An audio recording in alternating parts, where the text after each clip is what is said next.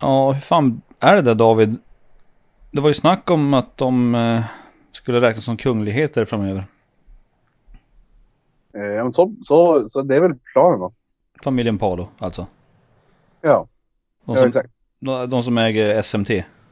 Svets och Ja, alltså, det, det är väl så här, alltså för, vad heter det, för stor tjänst. För, alltså så här, jag tänker när man har gjort något så mäktigt för, för Svea rike så, så borde man ju någonstans bli, bli belönad med någonting.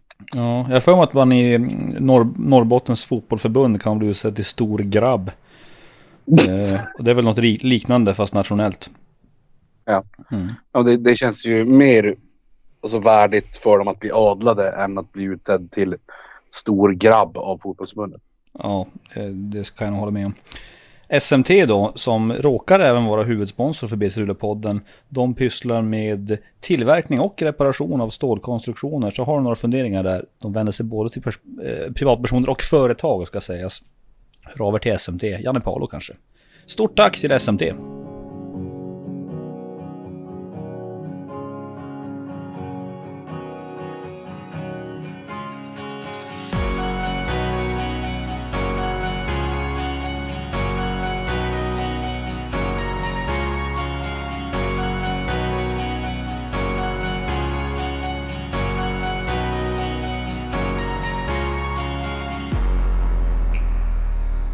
Ja, hallå där basketvänner och varmt välkomna till ett rykande färskt avsnitt av BC Luleå-podden med mig Max Wik, David Keso Nilsson och eh, vår återkommande gäst som även är här idag, Nick Rajacic. Jag, vet, jag har slutat att försöka hitta epitet för dig, men Twitterprofil kanske är det närmaste vi kommer. Vad säger du? Poddare, Nej, jag hatar, när, jag, jag hatar när du säger det, men whatever. Jag tar det. Jag tar det. Poddare kanske du vill, vill vara på heltid nu? Nej, jag vill kallas för SBL-entusiast. Okej, ja, köper det. Eh, hur mår ni pojkar? Uh, jag kan börja. Jag mår, jag mådde dåligt för att det är ingen basket idag på TV. Jag kan inte streama någonting. Uh, det är paus. De har vilodag i slutspelet i SBL. Dam, inga matcher i SBL här. Och så skrev jag på Twitter och till er att jag är uttråkad. Och sen sa du Max, sen sa du Max, eh, du skrev till mig, ska vi podda? Och jag sa ja, let's go, let's do this. Alltså, det finns inget bättre än att köta lite basket med er. Jag brukar gästa er podd typ en gång om året kanske, men nu har det varit typ två gånger på två månader och ja, jag är bara desperat efter lite basketsnack. Alltid härligt. Och David, du är mitt uppe i en eh, SM-semifinal. Ja. Och ändå tar det tid för eh, BC Luleå-podden i stort. Ja, det är jävligt stort. Jag skulle bara säga att eh, sist vi pratade då satt jag ju på någon flygplats. Eh, nu sitter jag på kontoret i Luleå Energi Arena. Eh, och då kan man ju tro så här, åh helvete, fan vad Keso jobbar hårt. Eh, sitter på kontoret klockan eh, kvart över nio och de har slutspel. Eh, nej det gör jag inte, för jag sitter och tittar på schackvideor och har gjort det i en och en halv timme. Snyggt. Du har ju ett eh, accelererande intresse för schack och det ryktas om ett eventuellt framtida schackkonto på Instagram. Ja, det, eh, alltså vi, vi har ju faktiskt funderat lite grann på, att starta något slags eh, alltså schackdrivet eh, innehållskonto på Twitter eller Instagram eller någonting. Mm. Alltså, jag, jag tänker så här, vi, vi brukar ju på somrarna med Luleå Basket att vi kanske Typ att jag kanske lägger upp några enkla övningar man kan göra utomhus eller hemma med basketboll liksom en, en mot noll eller två mot noll. Eh, I år kanske vi ska satsa mer på att jag håller lite så här schacklektioner och sånt. Jag tycker det låter spännande. Du Keso, förlåt Max. Keso, du vet, eh, har du konto på chess.com? Ja, Uh, min boy och uh, min boy och Borås Basket-legendaren och Plannja-legendaren och LA Future-legendaren uh, Robin Ryan spelar typ åtta timmar om dagen så du vill nog möta honom. jag, tror, jag är hyfsat säker på att jag får spö då. Ja, det, det får du nog. Han, han har blivit jävligt bra faktiskt. Jag, jag, jag tror att eh, mitt, eh, vi kan ju bara lägga ut det här i etern. Eh, att mitt konto där heter Kesokissen. Eh, så kolla. Come at me, come at me. Är det det du uppmanar Ja, Basket exakt. Sverige? Kesokissen eh, är jag på chess.com. Så det är bara att slänga iväg en jävla utmaning. Det ska ju sägas att jag, jag är inte särskilt bra. Jag har bara spelat i ett par månader. Ehm, men, men som Max säger så intresset är accelererande. Ja, det är ändå härligt. Jag, jag brukar prata mycket om spanska öppningar och då, då är du inte med riktigt. Men jag har ju ett... Jag är på en annan nivå i mitt trackintresse kanske. Jag tycker ändå vi kan inleda med att prata om SBL Dam. Det gör vi inte jätteofta, men nu har vi en unik insyn i eh, den ena semifinalen mellan Luleå Basket och A3. Eh, David Kesson Nilsson, just nu står det ju 1-1. Och torsk igår, vinst hemma tidigare. Spontana tankar? Eh, nej, men spontana... jag vet inte vad ska man säga. Alltså jag tycker eh, det, det, blir, det blir svårt att prata så här eh, generellt. Det blir, det blir mer från Luleå Basket-ögon. Eh, och då blir det ju såna här grejer som att jag tycker att vi var, var betydligt mer på tårna i första matchen och, och var skärpta defensivt eh, igår. Eh, kanske vi begick så defensiva misstag som vi inte har gjort på, på en månad kanske. Eh, eller på, på, på ett tag i alla fall. Eh, inte riktigt på tårna, inte riktigt med. Och då, då blir det sådär, A3 är faktiskt duktiga. Mm. Du som eh, följer semifinalerna med stor spänning Nick, vad tar du med dig de två första? Uh, ja, alltså först och främst, jag har redan tweetat om det här, Maggie Lucas. Jag vet att Keso, du, du kan inte säga för mycket om det här och du kanske tycker det är jobbigt att jag kritiserar så, så du behöver inte kommentera om du inte vill. uh, men Maggie Lucas, alltså hon är hon, ganska stor skillnad där. Hon gör 29 poäng i första matchen och sätter galna treor från långt avstånd. Och sen sätter hon ingenting i match två och eh, det är väl det som är hennes grej. Hon har antingen eldkastare med sig eller vattenpistol. Man vet inte vad, vad hon tar med sig till matchen men bortsett från det, alltså man såg i de här första anfallen i andra matchen att Umeå hade verkligen pratat om att sätta hög press. Och de gjorde det bra liksom och du vet ibland får man panik när man kommer in i en match och helt plötsligt så är de liksom jätteaggressiva och liksom får laget nästan att spela handboll genom att trycka ut dem utanför eh, trepoängslinjen. Och sen tycker jag att Ponturos försvar, så hon är så jävla bra i försvar att uh, jag vet inte vad jag ska säga. Uh, uh, Thompson i Umeå, hon eh, har typ best handles i hela ligan. Hon har legit svårt att ta upp bollen liksom mot henne. Mot Pontore. Och, och sen när hon får två snabba fall där också eh, tycker jag att, ja, alltså jag vet inte vad jag ska säga. Hon är lite begränsad offensivt men ni hade kanske behövt spela henne lite mer. Hon är fantastisk i försvar och sen, eh, sen tar Luleå en ledning med 11 poäng men det kändes aldrig som att det där, man visste ju att det skulle bli tight match ändå och sen där i slutet så liksom är det detaljer som avgörs. Någon uh, bortglömd boxout och så. Uh, det är bra match. Det är, det är bra matcher liksom. Det är, det är rolig basket. Jag, jag är riktig medgångare som ser typ en SBL dammatch i månaden under grundserien och sen när slutspelet börjar så, så är det där baby.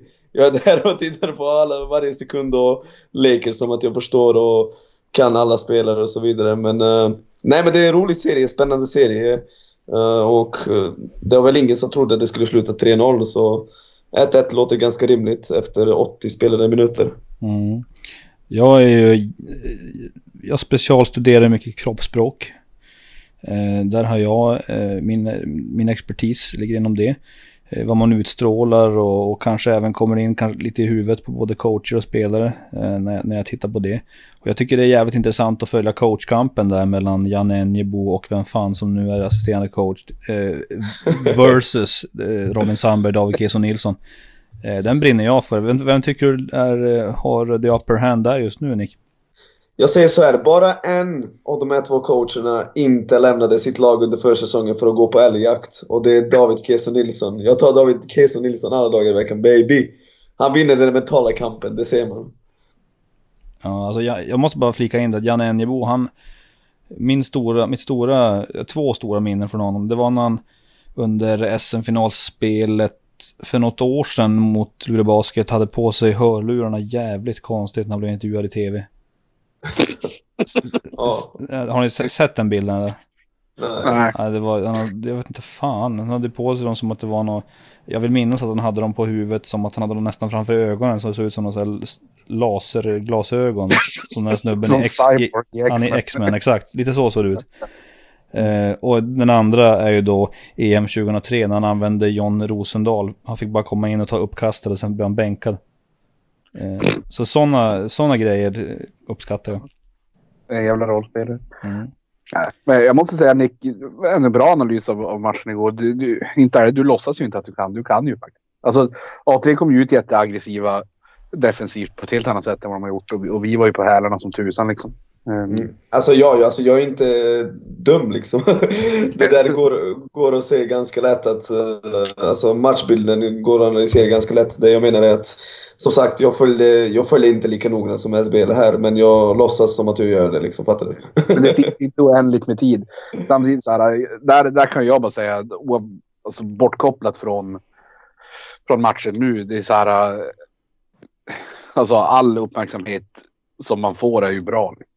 Och så sen kan du, alltså även, även om du bara hoppar in och ser slutspelet så, så tror jag det går snabbare för dig och jag tror du vet mer än, än många eh, quote unquote experter. Liksom.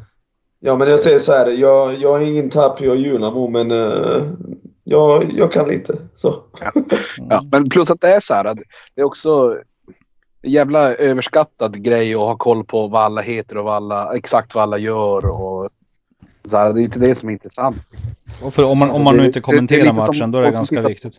Ja, men alltså det är som folk som tittar på fotboll. Är inte det här en jävla klassisk grej också? Att så här, gillar man fotboll då kan man direkt säga vem som mittback i Leicester 1973 typ. eh, och det där har jag som aldrig förstått. Och jag, det, jag tycker det börjar krypa in mer och mer i basketen det där att det är så här.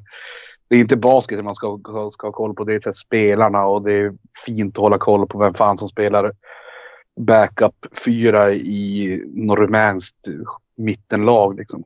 Okej, okay, med, med, med, medan vi är här. Max Wik, sex spelare i Högsbo. Let's go. Eh, sy systrarna Fredriksson. Ja. En, en, en av dem spelar inte dock, är mm. inte med så du får, du får en. Okay, en, uh, Courtney Perry. Ja. Uh, Alexis Hyder. Yes. uh, jag säger uh, Noaksson. Yes. Hur många, hur, hur, många är vi uppe på nu då? Fyra. Fyra. CJ Nofuente. Yes. Och vem i helvete, nu blir det jobbigt också för mig. ja. ja. Vad finns det ens för fler spelare i det där laget? Jag, jag, vet, jag, vet att, jag vet att Jonas Fredriksson är coach, men alltså jag tror, jag tror det, på rak arm eh, är det ju är det högst tveksamt att jag klarar av en till spelare. Oh, okej, okay, okej. Okay. Ja. Men det är ändå okej okay med fem faktiskt. Ja, det är okej. Det är okej tycker jag. Eh, hade jag, om jag hade varit till exempel kommentator under en match då hade, jag ju, då hade man ju då hade man ju läst på lite mer. Sen så, tror, sen så får jag se namnen så kommer jag känna igen dem. Det, nu, är, nu satt jag mig lite på pottan här såklart. Men vem vinner guld? Jag kan ta det. ja, gör du gärna. här avstår jag. Alltså, grejen är att så här. Alvik har ju spelat bäst under hela säsongen och de har ju bäst lag på pappret tycker jag. Men jag har hävdat även hela säsongen att de kommer choka i slutspelet och jag måste stå fast vid det. Alltså jag kan inte bara hoppa av båten liksom nu inför slutet. Eh, utan eh, jag säger att det blir Luleå, David. Även fast ni har väldigt mycket att jobba på och eh, som sagt, ja, Alvik ser jättebra ut. Alltså de är, de är riktigt, riktigt, riktigt bra alltså. Eh, men uh, något, ett tips till dig och Robin Sandberg. Robin, om du lyssnar på det här. Spela zon. För att Alvik har faktiskt, trots att de har vunnit de här matcherna, så har de faktiskt riktigt svårt. Alltså det är jobbigt. Uh, och Klara har kommit i 20 plus poäng i båda matcherna, men hon, hon måste jobba på ett annat sätt för att få dem. Uh, det går långa stunder utan att du gör poäng och så vidare. Och Alviks anfall överlag ser inte lika harmoniskt ut mot zonförsvar. Så, uh, vi, vi, vi kommer, jag tror att det blir Luleå och Alvik i finalen och jag tror vi kommer få se en riktigt jävla bra serie. Högsbo kämpar på och gör allt de kan men de, de kommer ju åka ut nu på fredag. Och Alexis Heider, de bör bygga en staty uh, utanför uh, Gothia Arena för att hon är ju typ deras pointguard och center. Och hon spelar pick på toppen trots att hon är liksom 4-5 och nej, hon gör verkligen allting. Men det räcker inte mot ett lag som Alvik. Jag tror... Ja. Eh, jag tror inte att uh, Superstar i, i Alvik, Jonelle McCarville, kommer att hålla ett helt slutspel.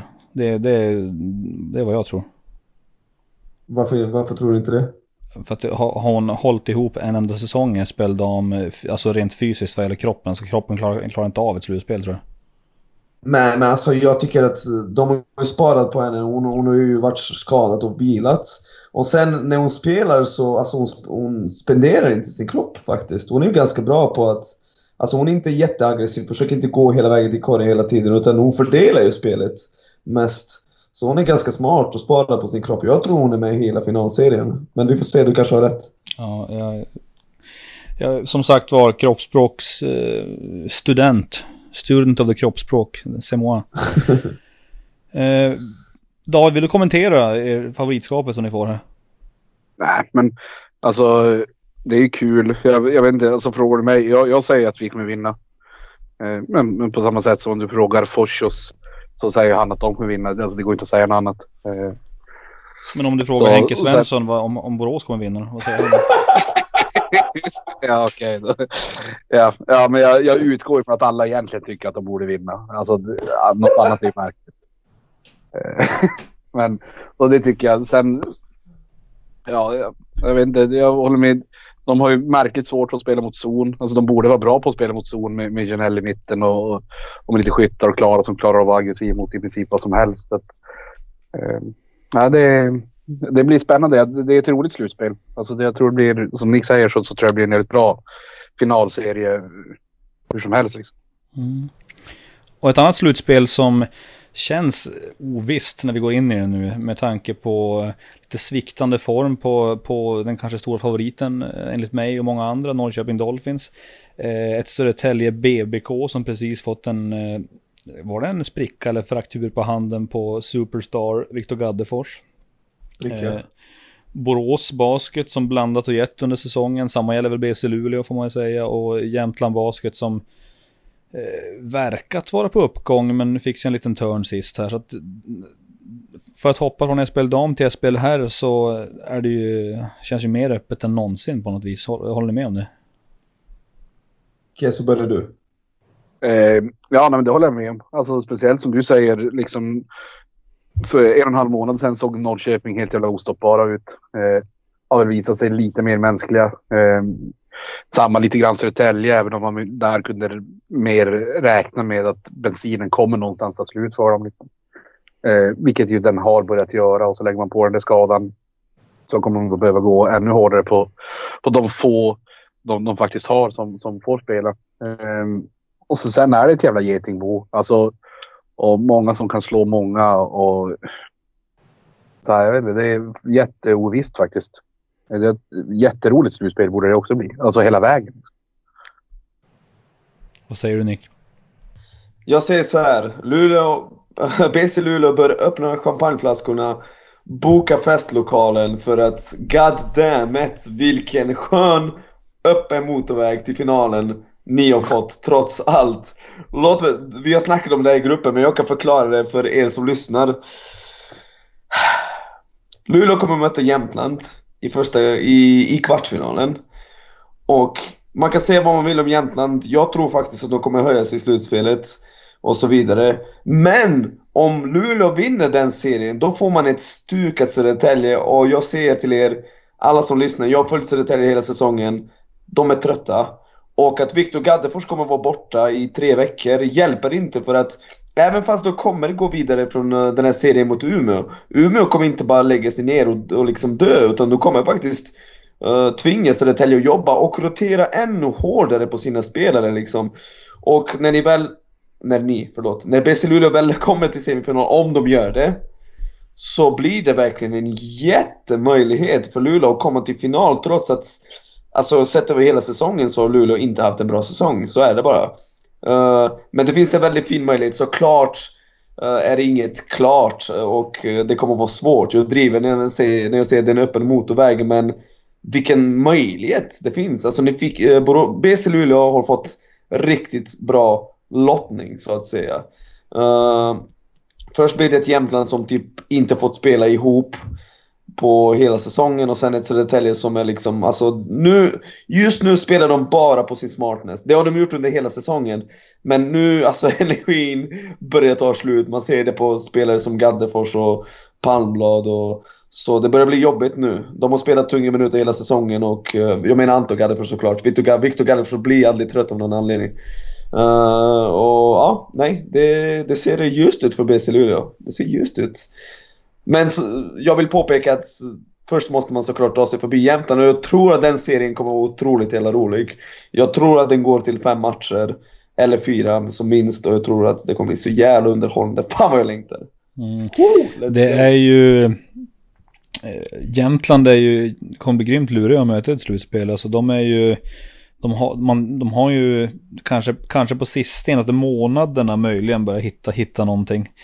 Eh, där man ser liksom li, lite av deras potential men de har ju fortfarande mer att hämta. Och, och jag menar den där sizen som de har och säga, säga vad man vill om Cyril Langevine men eh, han tar fan otroligt mycket returer och eh, han stör otroligt många skott under korgen. Man ser ju många som blir livrädda när de attackerar korgen när han står där. Eh, ja. Han ändrar många skott så att, eh, nej, det, det jag tror Men att... alltså, Jämtland är ett lag som om de skulle börja klicka så kan de gå hela vägen. Alltså, de är stora och de är atletiska och det gäller från position 1 till position 5.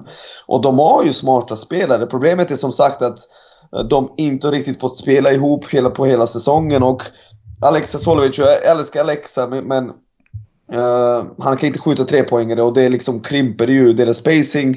Men Annan vill ju spela honom för han gör annat rätt. Han, han är typ enda spelaren i ligan som, som har förstått att Marek Klasen går bara åt höger.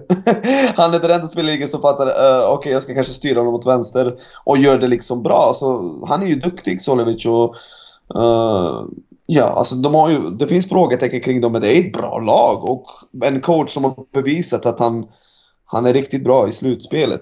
Mm. Så det, ja, den serien ska bli underbar. Men sen Luleå ska man inte underskatta heller. Alltså jag trashar Terry Murray.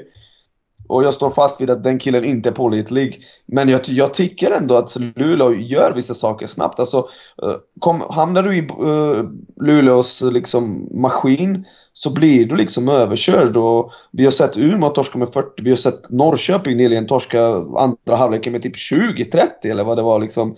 Uh, när BC Luleå rullar på då är de riktigt bra liksom. Och det finns ju ganska många vapen. Problemet är kanske att det inte finns den där en snubbe som jag riktigt, riktigt litar på i slutspelet hela vägen in. Även fast Adam Rönnqvist har visat många gånger att han är en matchvinnare.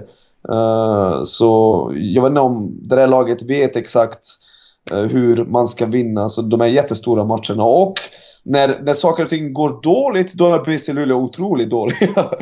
Som vi såg i matchen mot Köping. Alltså, det, att förlora mot Köping nu för tiden är fan svårt.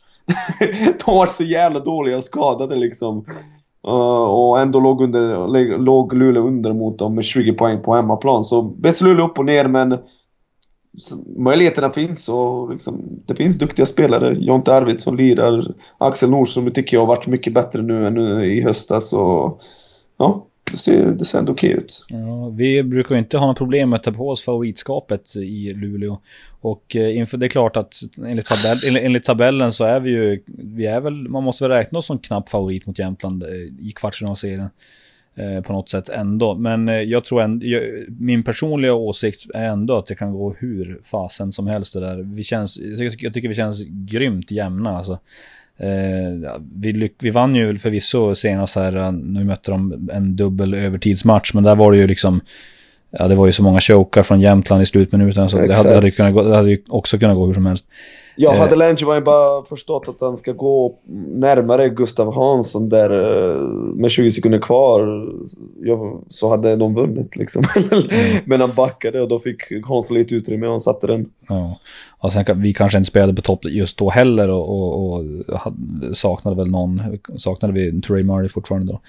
Eh, och, så att, nej men det verkligen blir intressant att se. Eh, kanske också coachkampen blir ju kul, för att jag menar Peter Ökvist och Adnan, Adnan Chak, de har en historia och mötts många gånger i slutspel och eh, eh ja, det, det eh, jag tror kanske man har en bild utifrån av att, av att de är världens fiender. Riktigt så är det kanske inte, men, men för, eh, för hypens skull kan det väl vara kul att bygga upp det så.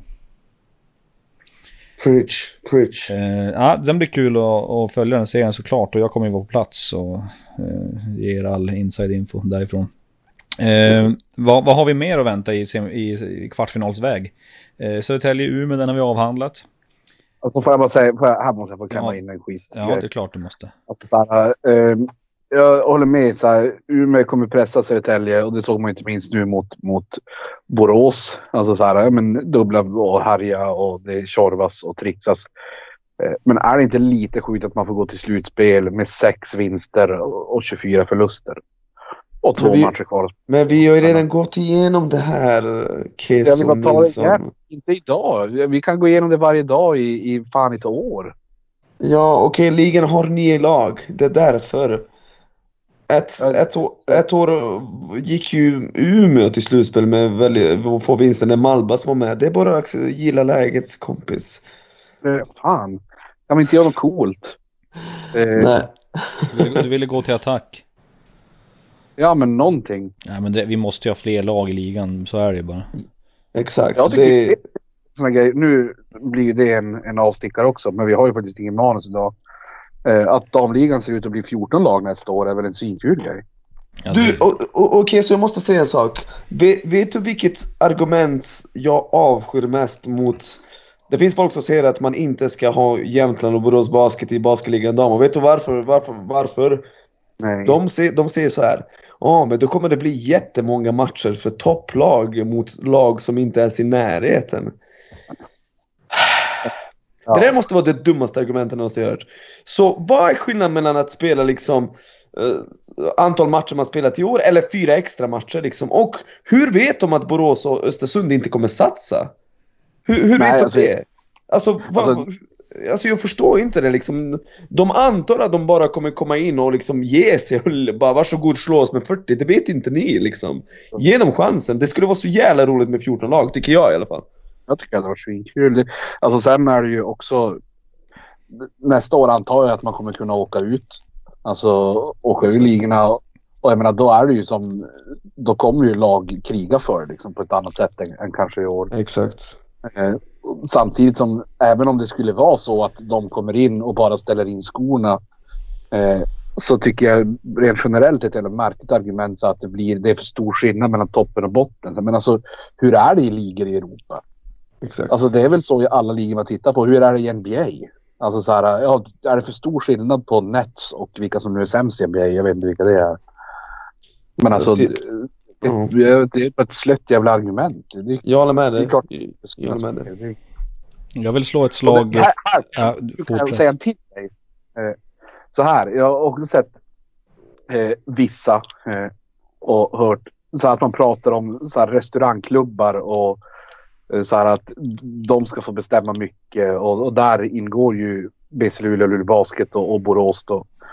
Alltså så här, och säga att det är bara business. Och så är det som att det helt plötsligt är fult att vara en förening som, som har en restaurang och som får lite folk till matcher. Och nu ska vi anpassa oss efter de föreningarna som ligger, om vi kollar tabellmässigt och, och publikmässigt, typ längst ner då. Istället för att vi, vi ska höja de, de andra föreningarna. Alltså vems villkor är det vi kör alla de här grejerna på? Liksom? Jag tycker man borde få någon, någon form av eh, pris för antal, antalet ribbstolar man har i hallen. Lite så. Alltså ekono, ekonomiskt stöd om du har ribbstolar på, i, i hallen. Får, av, förbundet får man 50 000 per, per set ribbstolar man ser det till. Årets matcharrangör. Och de går direkt från, äh, hon höll på att säga att de skulle komma direkt från coronastödspengar men det behöver de inte göra. Det, det sa jag inte. Jag var bara på väg att säga det. Sa det inte? Mm. Tack. Nej men det är ju 100%, 100% sant det du säger Dav. Det är klart att eh, det, det, det, alla ska ju kunna, alla som är med i ligan vet väl om lite förutsättningarna och eh, jag tycker inte man ska, det måste finnas någon balans såklart men, eh, men Jo, precis. Det är ju givetvis en balans. Men, men alltså just det där att man ska som, jag vet inte. Jag vet inte vart jag är på väg nu med det här heller. du, vill, du var lite arg och du ville, du ville säga något. Ja. Är Nu är jag inte arg mer. Jag, skulle vilja slå ett slag för en klubb som jag skulle vilja se i SPL här, som redan, som redan finns i SPL dam, men av någon anledning alltid harvar på i superettan, det är IK EOS. Alltså de vill jag se i ligan fan på här sidan. Eh, Stabil organisation, de har ju sportchef där, Jörgen eh, Spagge Fastberg. Eh, de har, de har ju, och det känns som att de har, eh, det, det, är liksom en bra förening det där. Gör mycket bra grejer och eh, jag, jag skulle vilja se dem i ligan. Vi behöver ett Skånelag i ligan, absolut. Jag älskar fan EOS. Shoutout IK EOS. Det är jättekul. Alltså, något sånt där. Varför typ Alvik, varför kan inte de ta klivet upp på här sidan liksom? Ja, men du vet ju varför. Det är ju pengarna. Ja. Uh, det finns ju då klubbar som kan tänka sig satsa. Vi vet ju att exempelvis Högsbo, jag vet, eller inte vi, men jag vet att de har pratat om att kanske inom två, tre år gå för det och försöka okay. komma upp. Liksom. Och det skulle vara jävligt roligt liksom. Och Djurgården, Djurgården kanske gör en comeback när jag skojar. det där kapitlet är stängt. Men alltså det är ju, det är ju jävligt, alltså det är ju otroligt ofta man hör i, i basketligan här sammanhang så ja ah, men de, de har en eh, femårsplan och de vill upp i ligan. Eh, och så kommer de aldrig upp i ligan och fullföljer inte den där planen för att det blir för dyrt eller någonting. Eh, Alltså, jag hoppas också. I Högsbo hade det varit jättekul. Vi har sett dem i ligan förut. Eh, klart. Jag håller med på att Högsbo och EOS hade varit svinkul. Ja, verkligen. Högsbo har stabil organisation faktiskt. Alltså ja. de är stabilare än vad ni tror. Eh, och de, eh, de drar ju in en jädra massa pengar på den här turneringen liksom. Man ska inte underskatta Högsbo liksom. Nej, Nej jag tror alltså, det har de ju visat med damlaget. Alltså, de gick upp och har direkt etablerat sig. Alltså, inte är det någon snack om en jättestabil organisation. Och, och familjen Fredriksson känns, känns eh, som, som en, en av de bättre familjerna man kan välja om man ska låta någon verkligen. styra skutan. Verkligen, verkligen. Ja, klassisk basketfamilj såklart. Eh, ja. Uh, ska vi, vad har du, får jag höra dina topp tre basketfamiljer i Sverige David? Eh, frisör Eva. eh, på vilket sätt är frisör Eva en basketfamilj? Ja, men, vad, snack, bara... vad snackar du om David? ja, Okej, okay, basketfamilj. Vad, vad ska man säga då? Eh, Fredriksson är ju up there. Ryans. Eh, Sharapovic är väl up there. Eh, uh. Ja, Ryans. Ja, det måste man väl också säga att de, de är där på något till vänster. Persons. Eh, ja, Person. Taylors. Taylors. Ja, det är ju många ändå. Det, fin det, finns några starka basketfästen. Eh, nu hoppar vi eh, vilt eh, fram och tillbaka här. Vi, det, det, min fråga till Nick innan du högg in där David var ju ändå hur, vad har vi för de, att säga om de övriga kvartsfinalserierna som väntar? Det är ju hyfsat spikat ändå hur det kommer se ut. Eh, vilka, vilka har vi kvar att avhandla? Vi har, vi har Norrköping mot Köping. Hade Jämtland vunnit mot Södertälje hade Norrköping kunnat ta den här första platsen. Men tyvärr så kommer de inte få det och de kommer få möta Köping och de har ändå haft lite svårt mot Köping måste jag säga i år. Uh, faktiskt. Uh, det har oftast varit tajta matcher och uh, en gång behövde de en buzzer beater för att vinna så det kommer bli en intressant serie, men, men jag, jag, vill, jag vill bara be amerikanerna i Köping att börja passa bollen. Alltså det där är så jävla jobbigt att titta på. Vad håller de på med? Jag är så besviken på CJ Jackson för han, han, var, han var bättre förra året. Han var ju bättre på att fördela bollen och, och hade ganska bra känsla för när han ska ta över själv och när han ska liksom uh, passa vidare. Men nu är det bara tre importer. Alltså det är Matthew, CJ och Victor Craig. De bara turas om om att liksom uh, anfalla och det de andra får är ju typ catch and shoot skott. Så snälla börja passa bollen, please. Uh, Niklas Larsson har... får ju knappt skjuta överhuvudtaget. Han spelar, jag såg här, var det senaste matchen spelade han så 35 minuter, gjorde två poäng och sköt typ tre skott eller någonting. Nej men alltså det är ju löjligt. Det är ju löjligt vad de jagar sina stats. Det är jobbigt att titta på och jag tycker att deras publik som är väldigt trogen och lojal och engagerad förtjänar bättre. Det handlar inte om vinst och förluster utan Köping är ingen språngbräda liksom. Du ska inte gå dit och hämta stats för att gå vidare utan jag tycker att de ska spela seriöst. Det där är ju oseriöst stundtals. Sen när de är heta som mot Luleå så kan de vinna någon match. Men överlag har de spelat usel basket. Uh, sen har vi även, uh, vi sa ju Luleå-Jämtland och så nämnde vi Södertälje-Umeå. Som sagt, Södertälje kommer vinna men med tanke på hur kort deras rotation är så tror jag faktiskt att de kommer få kämpa för det. Uh, och till slut så har vi Borås-Nässjö. Borås har vunnit 11 av senaste 13 och 12, eller 12 av senaste 14. Men jag är inte imponerad. Jag ser varje match, jag ser alla matcher och det där är inte ett lag som övertygar. Det där är ett lag som kan kollapsa när som helst. Det finns folk som är så jävla ojämna. Alltså Avery Woodson, jag fattar inte vad han håller på med ibland den killen. För vissa matcher, han skjuter ju bara inte. Det är jättekonstigt. Vissa matcher vägrar han skjuta typ och tar väldigt få avslut. Och sen andra matcher sätter han tre poäng från 8 meters avstånd med typ världens båge och så. Så jag, jag trodde att han skulle faktiskt ge mer till laget. För han har skills, det ser alla liksom. Han har ju potential att snitta 20 poäng per match i ligan, 19-20 definitivt. Men han är ju för passiv ibland. Uh, och sen även, har, har, vi även Jeremy Harris som, ja, John Brännmark har snott en startplats av en anledning. Uh, jag trodde Harris också skulle ge laget mer, men det Borås lever på är att Klasen har varit riktigt bra. Även fast han är out of control ibland så är han väldigt pålitlig som poänggörare. Eh, och sen även att DeAndre Davis har tagit ett jättekliv i sin utveckling. Och William Gutenius också. De två har gått framåt jävla mycket och det är det som har gett dem liksom en kick. Eh, så att de vinner de här matcherna ändå men överlag så är du inte övertygad och Borås är ju ett lag som har horribla stats i slutet av matcherna. Eh, Borås har inte kunnat stänga, de är jämna så de går vidare mot eh, Nässjö, det kommer bli ett rätt tror jag. Och sen i semin så blir det jävligt tajt mot Norrköping. Men Borås har haft det väldigt, väldigt, väldigt tufft mot Dolphins. Mm. Um, där kan vi ju också säga det att uh, DeAndre Davis, turen från trepoängslinjen har ju lite svalnat av i alla fall. Exakt. Nu skjuter, ja, nu, skjuter, nu skjuter han i alla fall inte 60% på treor. Men han skjuter, Nej, det, det är så... 46,8, han är ju, han tar ju de där, eh, han ser ju, man, man ser ju att han uh, oozes of confidence när han tar dem, han är ju ingen tvekan liksom. Uh. Du, vi kan berätta för lyssnarna att i början av säsongen när Borås mötte Luleå så vann Borås på bortaplan med 20 och Davis satte typ 4 trepoängare. Och du sa fan vad tur han har, han sätter aldrig några trepoängare. en, månad, en månad senare var han uppe i 60% på trepoängslinjen. Men uh, ja, alltså han, han har ju skjutit otroligt bra och som sagt det är, det är helt sanslöst att en kille som snittar 12 poäng per match kan vara typ ligans fjärde eller femte mest effektiva spelare. Han är det. Han är fyra eller femma. Det är helt otroligt. Alltså han gör ju verkligen allt. Han spelar försvar, blockar skott, stilar, gör lite poäng, tar lite returer, skjuter med höga procent. Det, ge, ge honom livstidskontrakt. Mm. Han, han har ju gått från att skjuta 33,8% i fjol till eh, vad var det vi sa då?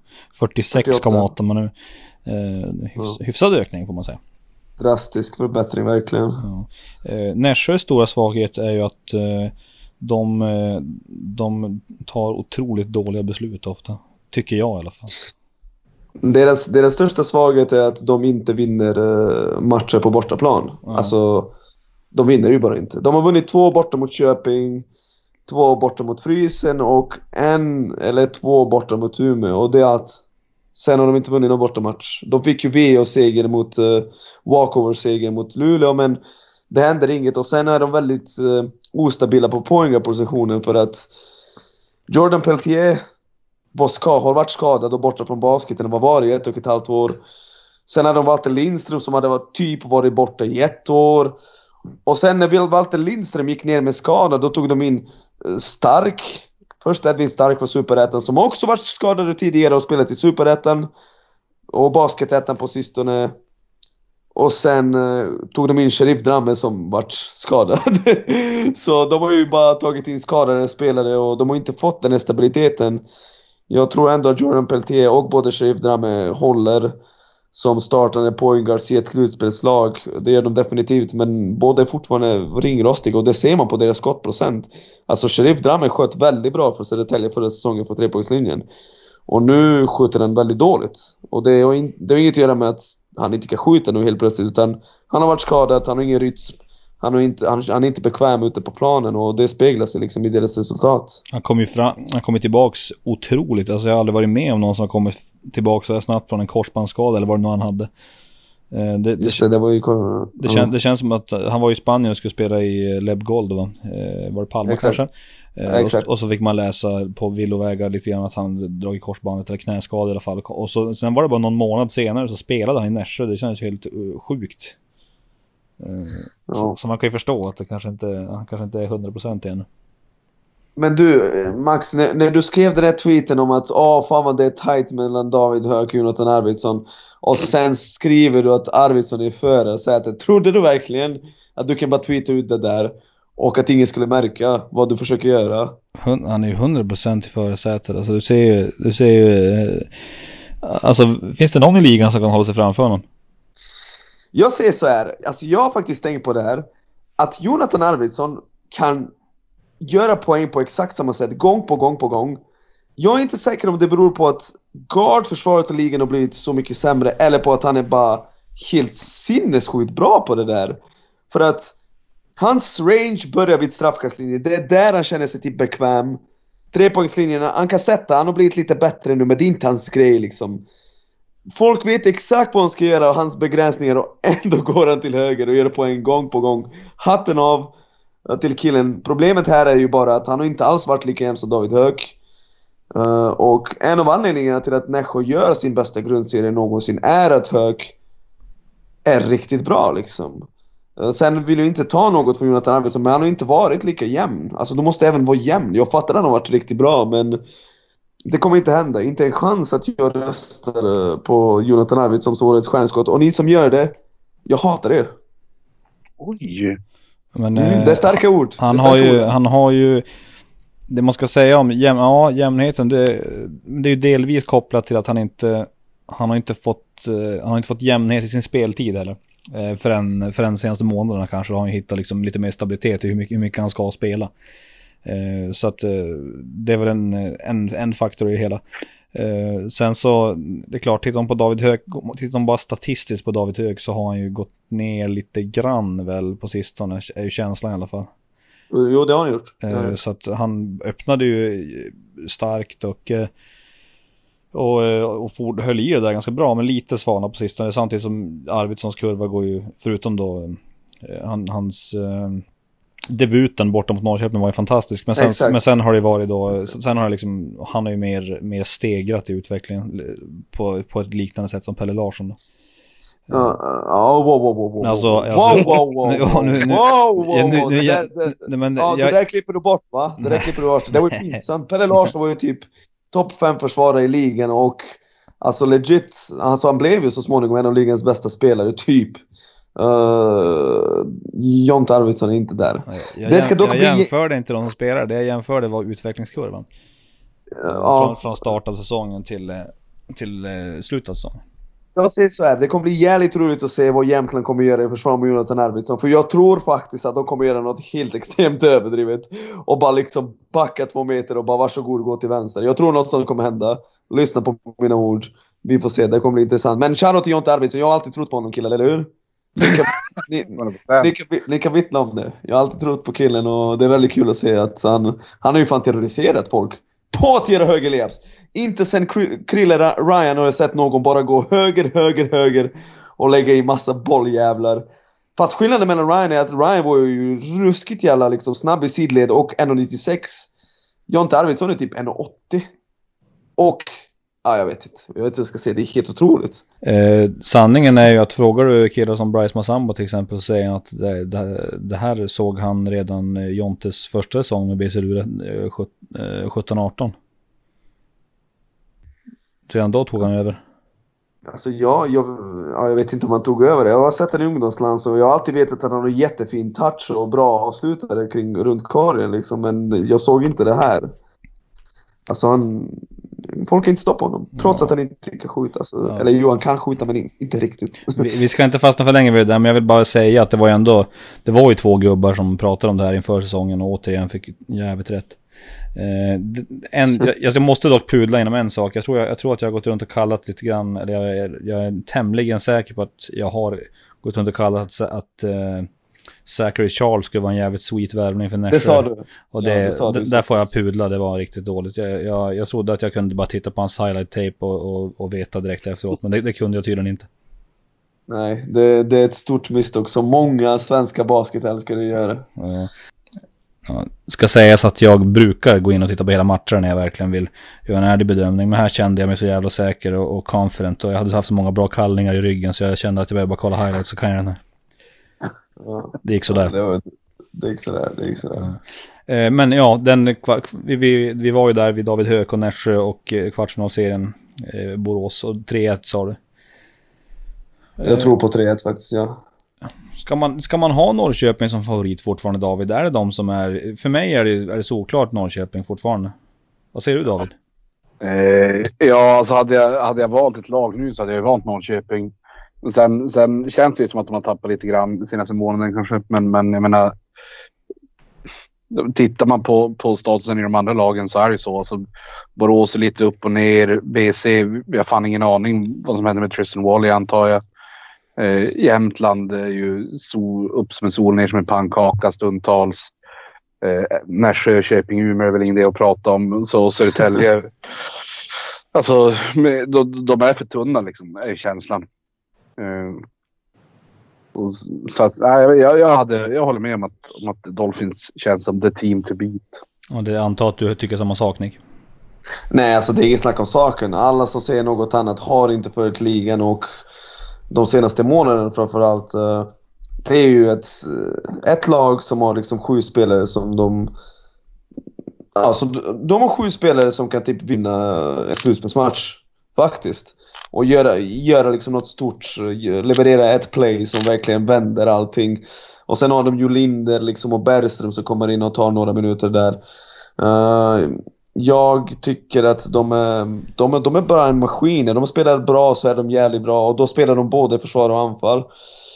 Anledningen till att de inte har varit bättre på sistone är ju bland annat att min boy Kamau Stokes, fy fan vad dålig han har varit. Alltså den killens form just nu är, jag vet inte vad jag ska säga, han är så usel och jag undrar faktiskt om inte den där hjärnskakningen han fick i matchen mot Umeå för en, två månader sedan, om inte den liksom har påverkat honom. För killen, han är ju bara, han hade ju någon match då han gjorde typ 12 poäng eller något. Men det ser ju bara dåligt ut. Han, eh, han är bara kass. Just nu är han kass och liksom, ska de vinna så måste han gå tillbaka till att vara liksom vassare. Han var ju riktigt bra i början av säsongen. Även fast han missade alla sina tre poänger i början så var han riktigt bra på annat. Men nu har Felix Sterings tagit hans plats i startfemman liksom och, och de, de behöver få tillbaka honom för att på riktigt gå hela vägen. Annars, annars kanske de riskerar att förlora någon slutspelsserie men slipper de skador och blir Kamara Stokes effektiv igen då... Jag vet inte, jag vet inte fan hur något lag ska stoppa dem faktiskt. Jag skulle vilja, jag skulle vilja bara flika in någonting här som David har varit och touchat på i våra samtal utanför podden. Och jag ska inte hänga ut det här nu på något sätt David. Eh, men jag, när man bara tittar snabbt på Norrköpings trupp så här. Då ser du Tim Skyberg, landslagsspelare. Adam Ramstedt, landslagsspelare. Terry Larrier, haft kontrakt med LA Clippers. Uh, Kamau Stokes, han, när han är hel och så sig själv riktigt bra spelare. Uh, Felix Terins, ja, han har ju en kanonsäsong, 11 poäng per match i, i, en contender. Uh, Phil Carr, en av de stabilare jänkarna vi har i ligan. Och sen, och sen så lägger man till Tyler Flack på det då. Som just nu på, på sina åtta matcher hittills är 70% på tvåor och 50% på tre. Han skjuter löjligt bra på tre just nu. Eh, alltså den här, den här truppen är ju bara överlägset bäst i ligan. Och kan det, och jag vill inte ta någonting från Mikko Rippen, han, han verkar ju, de verkar ju älska honom där, han gör ju säkert kanonjobb. Men kan det vara så att eh, man ibland eh, liksom det är ju ändå i slutändan ofta det bästa spelare, spelarmaterial som vinner, oftast.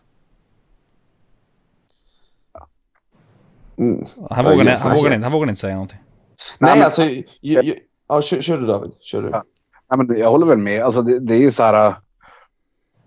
Alltså det, det, jag har sagt då, det är väl så här... Ja, det är väl typ som att coacher spelar mindre roll än vad man tror. Ja, exakt. Eh, ja, exakt. Och det, det, är väl så här med, med glimten i ögat. Men jag menar, det är ju faktiskt så att det är jävligt få människor som kan göra, alltså polera en bajskorv och få det till en diamant. Liksom. Ja. De existerar ju som inte de coacherna. Sen vill man gärna tro att de existerar. Eh, men, men alltså ofta är det ju sjukt marginellt. Och du, du bara kolla samma Vedran, alltså när han var i Södertälje, alltså, vad hade han för något lag? John Robertson och Bisaccia och alltså det är ju tveklöst att, att man har bäst material liksom. Ja, och, och sen är det ju kanske en konst att ändå få ut det maximala av det. Mm. Men, men, Jag, jag, jag, jag, vill, jag vill inte på något sätt att det här ska bli någon form av att jag säger att coacher spelar ingen roll, för det tycker jag verkligen inte. Men, men, nej, det tycker inte jag heller. Då hade jag ju sagt upp mig direkt. Ja, men, men, men det, alltså, det går inte att göra vad som helst med en trupp. Sen typ när Norrköping lyckades slå oss i 2018 där, då, då hävdar jag ändå att vi var truppmässigt bättre. Eh, och då, då hittade ju de någonting som verkligen funkade och, och ja, där, där, det var ju bara hatten av där liksom. Eh. Ja, det, fast, fast jag, jag, måste, jag måste säga en sak. Inför säsongen så var det typ ingen som tippade Norrköping att komma topp fyra. En stor anledning... Oj, oj, oj, oj, oj. Va? Var det verkligen inte det? Gjorde det ni det? det? Det var två grabbar som sa att de skulle vara svinbra. Ja, och vilka var det nu Vem? Vad sa ni två att de skulle komma topp fyra? Det där får du faktiskt klippa in Max. För att jag tror verkligen inte det, att båda gjorde det. Ja, det, jag ska, le ska leta upp det här. Det, här det, det, finns två boys som har haft starka åsikter i ämnet. nej, nej. Topp fyra sa ni inte. I alla fall, låt mig fortsätta. En stor anledning till att de är två i grundserien är att Ramstedt har tagit jättekliv framåt. Terins har tagit jättekliv framåt. Och även Tim Schüber, även fast eh, jag vet att det inte är er favoritspelare, så har han faktiskt spelat bättre i år. Än vad han brukar göra. Och det där är ju mycket upp till coachen. Uh, ja, herregud. Han slänger in Jolinder och David Bergström. Uh, och uh, Hampus Olin, han låter dem spela vissa matcher 15 minuter, liksom 20 minuter. Alltså det är en, det är en coach som verkligen vågat och visat framfötter, har utvecklat sitt lag, har fått dem att jobba som en helhets... De har amerikaner som spelar försvar på riktigt. Alltså inte spelar försvar inom citationstecken, utan spelar försvar på riktigt. Och köper sina roller. Och, så jag håller inte med er alls. Jag tycker faktiskt att han har varit helt avgörande i deras eh, framgång i år. Sen får vi se vad som händer i slutspelet. Mikko är ju aldrig coachat slutspelet. Så vi får se vad han, vad han visar där, men uh, ja, jag håller inte med. Ja, återigen var det, var det inte ett påhopp på hans eh, på, på coachningen det, och, vad han har gjort med dem, för jobbet han har gjort under försäsongen med dem och så vidare. De har ju gett unga killar mycket speltid och eh, det får de ju en hel del cred för. Och, eh, men jag måste ändå säga, jag är ju, nu är man ju lokalpatriotisk och eh, jag jobbar ju för en basket eh, ligaförening så att jag har ju eh, Luleå-glasögonen på mig såklart. Men jag tycker att eh, vi är fan eh, up there också och ger unga grabbar speltid måste jag ändå säga. Eh, och då tänker jag på typ Denzel George som är rookie i ligan i år spelar 10 och 30 i hans snitt. Men vissa matcher har han ju varit direkt avgörande. Eh, och det är ungefär vad, vad de ligger på, Jolinder och grabbarna. Eh, även Jemane på slutet faktiskt har ju varit, ja, på sistone har han faktiskt varit eh, och kommit in som en joker och han har ju spelat grymt bra försvar och dragit treor och, och, och sträckt golvet. Så, och Jemane har ju, han gör, det är ju hans tredje säsong i ligan väl, men han är ju bara född 99 så han är inte asgammal direkt. Nej, du har rätt. Du har rätt faktiskt. Jag håller med dig. Det, Peter har vågat spela dem och det ska han ha cred för. Ja, det var, det var allt jag ville höra. Nu, nu, ja. nu går jag och lägger mig med, med ett leende på läpparna snart. Ja, men, ja, men med det sagt, eh, absolut. Jag, och hela det här resonemanget kring coacher var väl mer bara att, eh, att uh, jag vet inte, det är klart. Sen, sen tror jag att coachernas betydelse har nog, har nog blivit större de senaste 10-15 åren. Det känns ju, det känns ju nästan solklart va? På vilket sätt? Ja, men det känns, det känns, eh, och nu ser jag nu följer jag ju kanske inte, eh, jag har inte insyn i allas gameplans och scouting och så vidare. Men tänk, man, det finns ju en helt, helt annan möjlighet att videoscouta lagen för till exempel. Eh, så det arbetar det på en helt annan nivå. Eh, kan, eh, kan ju tänka mig. Eh, och även men, förberedelse inför matcher och så vidare när det gäller att anpassa sig till motståndarna. Ja, vi, vi, vi pratade om det ganska mycket i vår podd, Bänkvärmarna, i min podd då. Uh, att alltså ligan och Ersa, de är Let's go coacherna du vet som bara säger kämpa hårdare och liksom ni måste ge järnet och förlorar man så är det bara för att man inte vill ha det lika mycket som andra coacher, andra laget.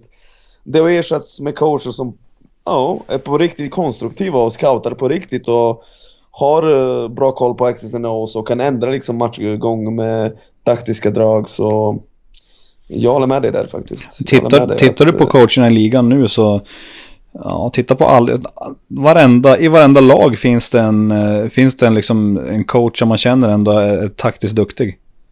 Exakt, och det är olika filosofier också. Uh, liksom, tänk liksom sättet Borås spelar på och jämför med liksom... Tänk Borås har ju massa setplays och verkligen letar efter, alltså de letar efter viss typ av skott och de vill inte ha något annat. Utan de vill ha liksom sina trepoängare och de vill ha sina avslut från vissa spelare i vissa positioner. Och sen har du Södertälje som spelar liksom väldigt metodiskt och väldigt smart. Du har Umeå som liksom tog dubblar och bara hittar på massa olika grejer och sen går du till Jämtland som kör klassisk Anna Schack basket. Alltså det är olika strategier och det är väldigt bra coacher. Väldigt bra coacher i basketligan. Här, sen i damligan, alltså du vet, de, är, de är assisterande coacherna i topplagen. De håller ju bara inte. Nej. Alltså, förstår du Max vad jag menar? Ja, jag, jag, jag, jag vet. Jag vet. Nej, jag vet. Det, det, jag har faktiskt varit tänkt exakt på det där tidigare. Eh, och jag, jag, fattar inte vad det beror på. Att man inte lyckas locka liksom, bättre talanger till de där positionerna. För det är ändå liksom, det, är inte, det, det måste ändå vara jobb som folk vill ha. Tänker jag. Ja, exakt, exakt. Nej, nej, jag, nej, jag skojar David. Du är jätteduktig. Den 25 varje månad. Eh, då är det jag som skrattar hela vägen till banken. Det ska ni veta. Jag har fan skit för att få in den här pengen. Jag får dåligt samvete liksom. Ja, nej, jag förstår. Alltså, jag sitter och låtsas jobba på kontoret och så tittar på schackvideor i tre timmar. Liksom. Ja. Det är ju... Ja. Och så lägger du ut, men, lägger, lägger ut lite bilder på, på sociala medier. Bara, Åh, det blev en sen kväll på jobbet idag igen. Ja, åh shit. Fan vad jag eh, får in till, får in till hallen klockan sex på morgonen bara för att ta en bild i hallen och lägga upp och sen fem och lägga mig och sova igen. Så, så jobbar fan ett proffs. Ja. Eh, ska vi... Ska ja, vi om det där med coacher. Eh, här, det är en intressant diskussion. Jag har faktiskt inte lyssnat på, på den diskussionen i bänkvärmarna. Men, men finns det någon slags alltså, slippery slope till att coacher då börjar tro, alltså det, det blir en jävla övertro på, på, sin, på sin egen spelidé och, och på sin egen storhet liksom. Förstår du vad jag menar? Ja, man, man blir som för tjurig i, i sitt mönster och man blir för inrutad och, och det här ska funka och det här har funkat. Och... Alltså vi har ju några coacher som har kört en och samma spelstil ett bra tag. vi vet vilka det är. Men vi har även coacher som faktiskt har anpassats liksom. Om du tittar på Borås Basket. Första året Henke Svensson och Henke Karlsson, alltså den basket de spelade då och basketen de spelar nu är faktiskt helt annorlunda. Så jag tror det också, det är väldigt individuellt. Uh, det är väldigt individuellt. Det finns vissa coacher, alltså Peter Öqvist har ju kört sin typ av basket känns det som i 12 år och det har funkat bra för honom oftast. Han har vunnit tre guld liksom, så han kör med det liksom. Och, så som sagt, det är individuellt. Jag tror inte att man kan dra liksom en slutsats uh, och generalisera liksom överlag. Ja, ska vi, bara, ska vi bara konstatera att det blev ett jävligt fiasko mitt, när jag, jag började prata om att coachens betydelse är mindre än vad man tror och sen slutade med att eh, coachen har blivit jävligt bra. Det var fan en, en av de större fiaskon jag varit med Förutom Zachary Charles då. Ja, nej hörni. Eh, har vi något mer som vi vill avhandla innan vi, innan vi tackar för oss idag? Nej, jag, jag, vill, jag vill att vi kanske tar och väljer tre random basketspelare i, ligans historia. Både dam och herr man får välja som man typ tänker på ibland. Bara undrar vad gör de nu för tiden? Ja, exakt. Så jag, jag kan börja först. Uh, jag tänker ofta på Johan Westerlund. Av någon anledning. Uh, det där låter väldigt sjukt men uh, ja det händer att du ibland undrar vad fan gör han? Och sen uh, Christy Bacon. Jag vill veta vad hon gör nu för tiden. Är hon kvar i Sverige? Vad hände med henne liksom? Hon är ju väldigt uh, speciell lirare. Och sist, sist men inte minst har vi Brittany Smart typ. Vad gör hon? Vet du Keso? Kan du hjälpa mig med det här? Hon har ju spelat i Australien ganska länge. Just ja. nu vet jag faktiskt inte. Mm. Okay. Hon var ju väldigt duktig inom crossfit va? Ja, det var hon absolut. Eh, Johan Westerlund saknade hans lockar. Sen, sen så raka, rak, kom han ju hem. He came home och, och ra, rakade skallen. Eh, men han och Jim Enbom hade mycket, där var det mycket de möttes ju jävligt ofta på gatbasket-VM uppe i Luleå. Och där var det, det, det, var hett mellan de två, alltid. Eh, och den, sen fortsatte den rivaliteten även under ligasäsongen då, när han spelade för 08 och kom upp hit. Så det var, kul att följa. Ja. Nej, din, din tur Max, let's go. Top of your head. Just det här det är fan löjligt svårt. Det är många som passerat revy. Jag har ju alltid, jag har alltid gillat att grotta ner mig i, i amerikanerna och vad de gör nu för tiden. Och en man som jag liksom, det, är, det är ta mig tusan omöjligt att hitta information om den här mannen. Eh, det är, han spelade i Plannja i två säsonger. Han heter, heter Josh Shoemaker. Eh, gick på, han gick på Wake Forest tror jag. Eh, duktig där. Eh, kom till Plannja, vann eh, ett guld och sen torskade väl Plannja. De åker ut i semi eller torskade finalen andra året. Tror det kanske var finalen mot Solna när, när Salström gick eh, bananer. Så att Josh Schumacher, Schumacher har aktivt försökt leta upp och hitta information om det. Går, det går ruggigt dåligt, måste jag säga. Ja, fortsätt två till. Vi behöver två till. Let's go. Vad fan ska jag ta för någonting? En, en man som jag ofta tänker på också är, är ju eh, Plaisir Mokoko. Jag visste att du skulle ta honom! Jag tänkte faktiskt ta honom också. Jag tänkte faktiskt rabbla upp typ alla som har spelat för 08 typ från 2007 till 2013. Ja. Typ Joy Legwia och Plaisir Mokoko och Kevin Okot. Jag vet inte varför men de är, det är fascinerande människor. Ja, verkligen. Eh, Play, jag mötte honom, jag har skrivit, jag skrivit för blogginlägg om, när jag var bloggare tidigare. Om, om Play. Eh, för att han var så jävla fascinerande när vi var små. Han var så ruggigt fysiskt överlägsen och basketmässigt överlägsen. Och eh, när vi kom dit och möt, mötte Söder som han spelade med då i 08 Cup när vi gick i sjuan tror jag. Jag hade precis börjat spela basket. Och han, eh, han slängde i sig 180 alley-ooper och sådär på uppvärmningen. Och vi stod och grät på uppvärmningen typ. Eh, eh, det var, det var traumatiskt. Men eh, han spelar i Norge, det vet jag ju. Jag har ju koll på honom. Jag är vän på Facebook också. Så, att, så att det, det är inte så att jag inte vet vad han gör idag. Mm. Eh, och sen trea då, om jag ska välja någon damligaspelare. Visst har jag en del koll bakåt i tiden. Eh, frågan är vem jag är lite nyfiken på vad de gör idag. Man har ju lite koll, men ibland så tänker man ju på Maria Näsström till exempel som spelade i, som spelade i Luleå Basket och även i Solna väl.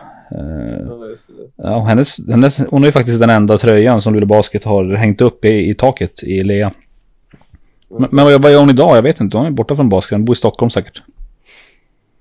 Det var bra namn. Mm. Stabil 3. Stabil 3. Davve? Keso. Let's go. Eh, ja, fan.